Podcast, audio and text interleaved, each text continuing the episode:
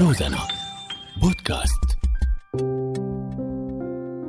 الحالة الاقتصادية المتردية بشمال غرب سوريا وارتفاع معدلات البطالة وانتشار الفقر وقلة فرص العمل عم تدفع كتير شباب وصبايا للتفكير بالسفر. بحلقتنا لليوم من بودكاست شو الحل رح نحكي عن مبادرة جديدة لمنتدى الأعمال السوري اللي أطلق فكرة مخيم معرفي بعزاز بيقدم للشباب وللصبايا تدريبات تقنية بتساعدهم لإيجاد فرص عمل عن بعد.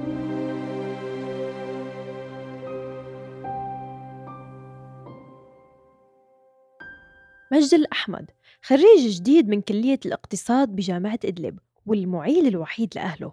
مجد صار له أشهر بيحاول يلاقي فرصة عمل وقدم على كتير وظائف بالمنظمات الإنسانية والمؤسسات والشركات بس للأسف ما حالفه الحظ بالفرصة المناسبة وبلش يفكر جديا بالسفر لأوروبا لتحسين وضعه المعيشي بالحقيقة أنا تركت الدراسة ببداية الثورة مثلي مثل كثير من الشباب اشتغلت بالعمل التطوعي سواء بالجمعيات الإنسانية أو توثيق الفعاليات المدنية بمنطقة جنوب حلب. بعد التهجير بالألفين وخمسطعش بعد غياب سنين عن الدراسة سجلت على البكالوريا والحمد لله نجحت ودخلت آه، كلية الاقتصاد بجامعة إدلب. وحاليا صار لي شهرين متخرج ولله الحمد. وبالحقيقة عم لاقي صعوبة بتأمين فرص عمل والوضع المعيشي من سيء إلى أسوأ بسبب الغلاء الكبير والارتفاع مستوى الأسعار. نحن بالأساس نازحين وساكنين بالإيجارات قدمت على كذا شاغر بالمنظمات الإنسانية والمؤسسات اللي بتستقطب خريجي الاقتصاد. لكن لحد الآن ما مشي الحال لأنه فرص قليلة وفي كثير ناس قاعدة بلا شغل. وأنا بتمنى يعني إنه أشتغل باختصاص اللي هو إدارة أعمال.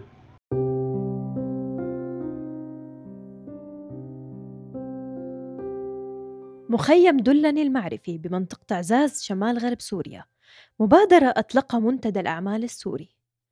أحمد حلمي المسؤول الإداري بالمخيم بيحكي لنا عن فكرة المخيم وكيف عم يحاولوا يصنعوا فرق بالمجتمع من خلال إيجاد حلول مناسبة لمشكلة البطالة بالمنطقة. آه، مخيم دلني هو أحد مبادرات المنتدى السوري ضمن برنامج تمكين الاقتصاد المستحدث في عام 2023 نحن من بنطلع من خلال مخيم دلني لتدريب الشباب والشابات وصقل خبراتهم المهنية لتطويرهم للدخول إلى بيئات عمل آه، مختلفة في مجال تكنولوجيا المعلومات. آه، نحن أطلقنا المخيم الثاني بال SEO كتابة المحتوى لتحسين محركات البحث بعد النجاح المميز الذي أظهره شركاؤنا في المخيم الأول. آه، وبعد إتمام شركائنا ل 120 ساعة تدريبية تقسم إلى قسمين 60 ساعة تدريبية بال SEO كتابة المحتوى و60 ساعة تدريبية بالمهارات الاحترافية ال soft skills فيما بعد أتم آه، خريجينا مناقشة مشاريع تخرجهم ومناقشتها وتقييمها مع الأساتذة المدربين على أساسها تم منحهم شهادات تخرج في في مجال ال SEO آه، نحن بنتطلع بالفترة القادمة إن شاء الله لإطلاق آه، تدريبات آه، مختلفة نوعا ما عن ال SEO لم نعتمد التدريب القادم ما هي ماهيته يعني. لم نعتمد على البرنامج تبعه هل هو رح يكون برمجة هل هو رح يكون marketing أو no code لسه ما بنعرف. ولكن أكيد رح يكون في تدريبات قادمة بعد فترة وجيزة إن شاء الله بمجال مختلف عن ال SEO آه، فينا نقول إنه الآن نحن آه، خرجنا دفعتين بال SEO فشايفين إنه العدد صار كافي نوعا ما. فرح ننطلق بمسارات جديدة الآن بفعاليات مختلفة.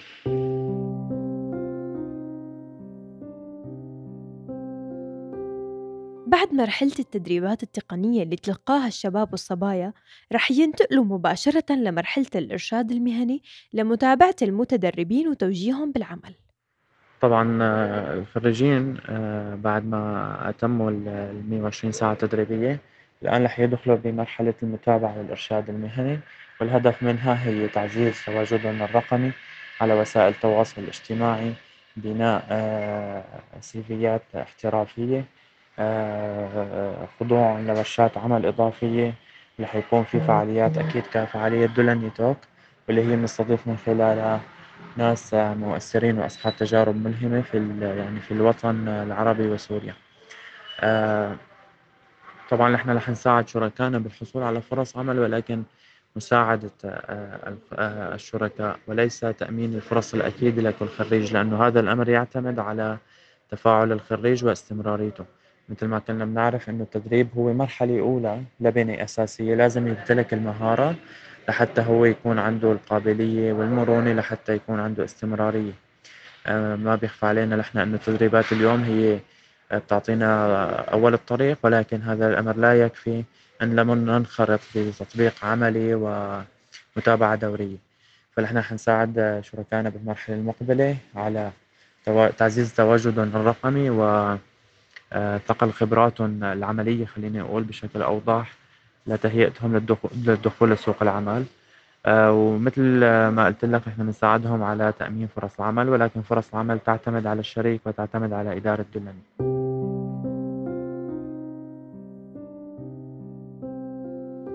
بدافع اكتساب خبرات جديدة وبعد نصائح من أصدقائه التحق الشاب إبراهيم ملوحي وهو طالب سنة تانية بكلية الاقتصاد بجامعة حلب بمخيم دلني المعرفي ليخوض تجربته جديدة بعالم التكنولوجيا والمعلومات وليطور مهاراته التقنية يلي ممكن تأهله لدخول سوق العمل. مخيم دلني يعتبر من أفضل التجارب اللي أنا خطة واللي أنا دربت فيها آه، كان من أكثر تميزا قدم لي كثير من المهارات اللي أنا كنت بفتقر لها على الصعيد الشخصي وبالإضافة على الصعيد المهني. آه، سبب رغبتي بالتسجيل في مخيم دلني وهي التدريبات. بداية هي التدريبات آه، لأول مرة بيصير في من هالنوع بالمناطق المحررة. اثنين أنا لما بحثت عن ال SEO شو هو وجدت إنه ال SEO في العالم العربي قليل جدا جدا. والأشخاص المتميزين فيه معدودين على الأصابع. كان هذا السبب ودافع كبير لي لأني خوض هيك تجربة. بالإضافة لهيك ضيف مهارة تقنية جديدة للمهارات اللي بت... اللي بمتلكها.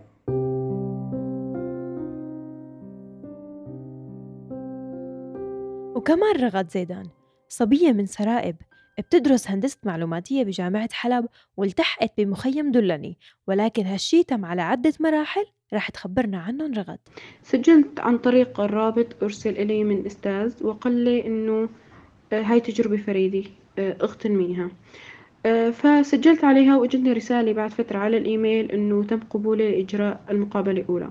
وبعد عدة مقابلات وأسئلة عن مدى معرفتي بالمجال وإتقاني للغة العربية وغيرها من الأسئلة تم قبولي لكون من الدفعة الأولى بمخيم دولاني بدينا بالتدريب اللي كان مميز بكل النواحي وفي شغلات ما كانت موجودة بتدريبات تانية مثل فعالية لنتحاور كانت فريدة جدا. آه، التقينا مع أشخاص ملهمين وعندهم خبرة واسعة بالمجال. آه، فهذا الشيء خلى عنا حافز لنسعى ونوصل لشيء. حتى أنه أساس الجلسات التدريبي كانت عندهم آه، قصة نجاح ملهمة. وشجعنا هذا للاستمرار لنوصل لإنجاز. كان مثل ما قلت سابقا سبب الرئيسي لتسجيلي بهذا التدريب هو تطوير معرفتي بمجال دراستي وحب آه، استكشاف لمجال أنا ما بعرفه. أنا شفت عنوان إس إي أو ما كنت بعرف عنه أي شيء. فحبيت آه، أتعلم مجال جديد ما موجود عنا هون بالمنطقة آه، وأتقنه. فتعلمنا طبقنا عليه خلال التدريب حتى أنه دربنا على كتابة المحتوى باللغة العربية بما يتوافق مع قواعد ال SEO ومع محركات البحث. وأيضا تعلمنا مهارة التواصل وأيضا تلقينا تدريب آه، عن الذكاء الاصطناعي. كان استفادتي يعني من هذا التدريب آه، واضحة. لأنه أول ما فتت كنت ما بعرف شيء عن ال SEO بس مع نهاية التدريب كنت بعرف إيش بيعني وكيفية العمل عليه وكيفية كتابة المحتوى وتطبيق قواعد الاس اي أو عليه. هلأ طموحي حاليا أتقن هذا المجال أكثر وأعمل فيه ويكون إلي يعني بعد فترة من الزمن بصمي بالمحتوى العربي. آه، آه، لأنه المحتوى العربي آه، قيم جدا ولكن ما في ناس يعني قليلين الناس اللي عم يقووه وهذا الشيء يمكن يضعف ظهوره بمحركات البحث للأسف. أكبر آه، تطبيق يعني كان إن لكل شي درسناه هو مشروع التخرج، مشروع التخرج كان تطبيق لكل شيء أخذناه حرفيًا آه، بالجلسات. آه، من مهارات عرض وإلقاء وبالإضافة لكل شي قواعد SEO طبقناها وبشكل عملي على موقع ودرسناه دراسة كاملة، هذا الشي كتير فادنا وبتمنى نتدرب أكتر بالأيام القادمة. ونعمل عمل آه، يفيد الآخرين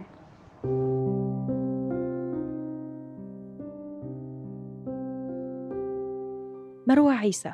من بين المتدربات اللي تلقوا تدريبات حول كتابة المحتوى والتسويق الرقمي وتحسين محركات البحث بمعدل 120 ساعة وقبل الانتهاء فترة المخيم والتخرج حصلت على فرصة عمل عن بعد بشركة موجودة بتركيا. المرحلة الثانية هي مرحلة التوظيف. هون أنا بعتبر نفسي كتير حدا محظوظ لأنه قدرت أحصل على وظيفة أو فرصة عمل قبل حتى ما أتخرج من المخيم وأحصل على الشهادة. آه، بهاي المرحلة مخيم دلني بيسعى للتواصل مع شركات وأشخاص خارج البلد لتأمين فرص عمل للمتدربين أو شركاء النجاح. آه، بالفعل هذا اللي صار معي خضعت لمقابلتين. واحدة مع شركة قطرية والتانية مع شركة عربية بتركيا. آه، كنت أمام خيارين وقررت أقبل بالعرض الثاني اللي هو العمل مع شركة عربية في تركيا شركة سناب شات ككاتبة محتوى وخبيرة SEO بعقد مفتوح وراتب جيد. حابة أوضح نقطة هون إنه عملية التوظيف ما بتكون بشكل عشوائي. آه بالعكس الإدارة بتعقد اجتماعات فردية مع كل متدرب. هدف هي الاجتماعات آه بتكون لحاجتين. الأولى هي التأكد من جهوزية هذا الشريك. هل هو جاهز ومستعد للدخول لسوق العمل أو بيحتاج فترة لأنه يطور من نفسه أكتر؟ والحاجة الثانية هي تقييم احتياجه.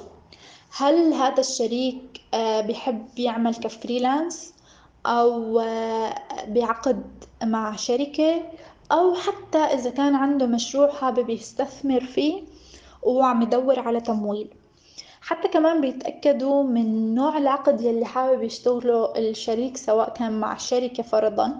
هل هو بحب يشتغل آه، بعقد كامل دوام كامل أو بدوام جزئي؟ آه شو هو الحد الأدنى للأجور يلي بيقبل فيه؟ وبناء على هي الاحتياجات يلي بتجمع الإدارة بيتم تشبيك الشركاء مع مع فرص العمل المناسبة لكل حدا. آه المرحلة الثالثة هي مرحلة الإرشاد المهني. بهاي المرحلة بيكون مخصص لكل شريك مرشد مهني خاص. بيكون معه لمدة ثلاثة شهور. مهمته هون آه، توجيه الشريك مهنيا حسب ما هو بيحتاج. آه، خلال هاي الثلاث شهور بيكون في عنا ثلاث جلسات خاصة مع المرشد. بنتحاور فيها بنتناقش بنستفسر عن أمور.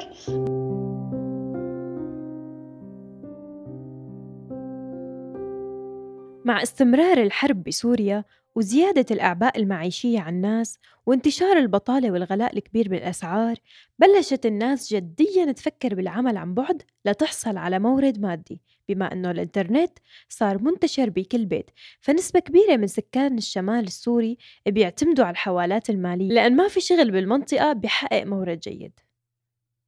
بعام 2023 ازدادت نسبة الفقر وارتفعت نسبة العائلات الواقعة تحت حد الفقر ل 89.24% بحسب ما كشف فريق منسقو استجابة سوريا. وازداد حد الجوع لمستوى جديد وهالشي رفع من نسبة العائلات اللي وصلت لحد الجوع لنسبة 40% تقريباً. معدلات البطالة بين المدنيين ازدادت بنسب مرتفعة جديدة بعد فقدان أكثر من 11 ألف عائلة مصادر دخلها نتيجة الزلزال الأخير اللي تعرضت له المنطقة. ووصلت نسبة البطالة العامة ل 88% تقريبا بشكل وسطي.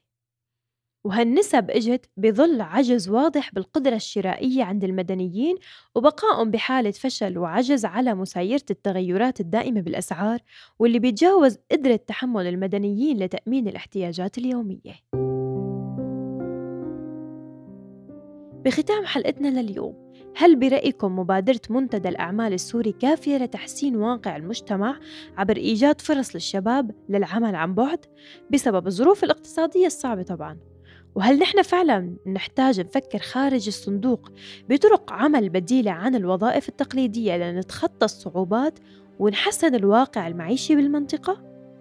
شاركونا بحلول مقترحة من خلال التعليق على بوست الحلقة بصفحتنا على فيسبوك روزنا بودكاست.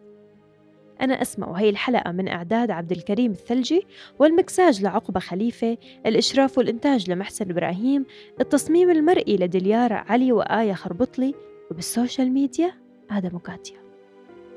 thank you